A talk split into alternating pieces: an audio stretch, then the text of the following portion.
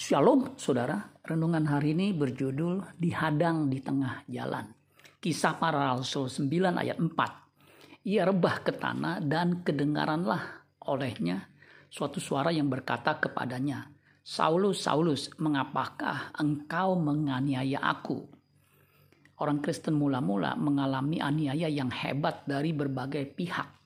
Pemerintah Romawi dan orang Yahudi yang menganggap ajaran Kristus itu sesat Salah seorang penganiaya yang diberi otoritas penuh dari imam besar adalah Saulus.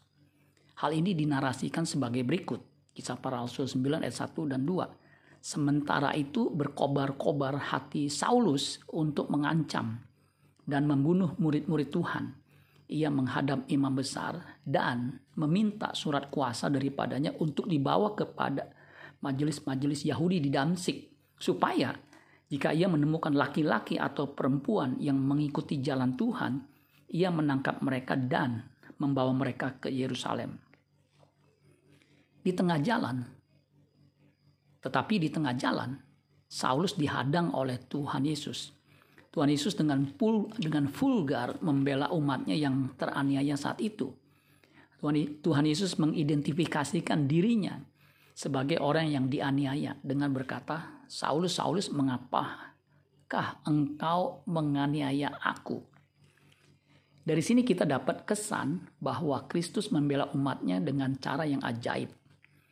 Si penganiaya bukan saja dibuat keok, rebah ke tanah, tapi juga dibuat kapok dan bertobat.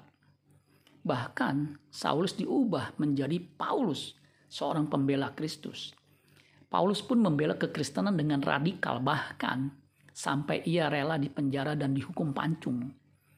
Alkitab tidak mengatakan bagaimana dan kapan Paulus meninggal.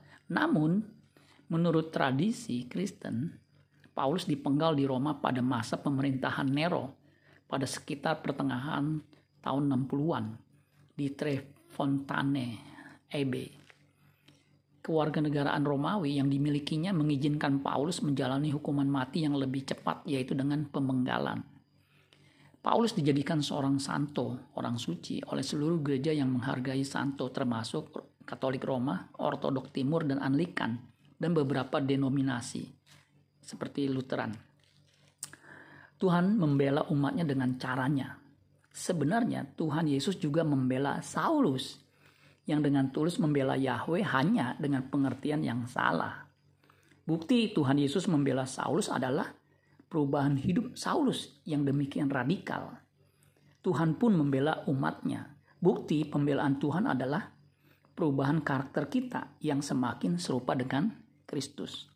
Amin buat firman Tuhan. Tuhan Yesus memberkati. Sola Gracia.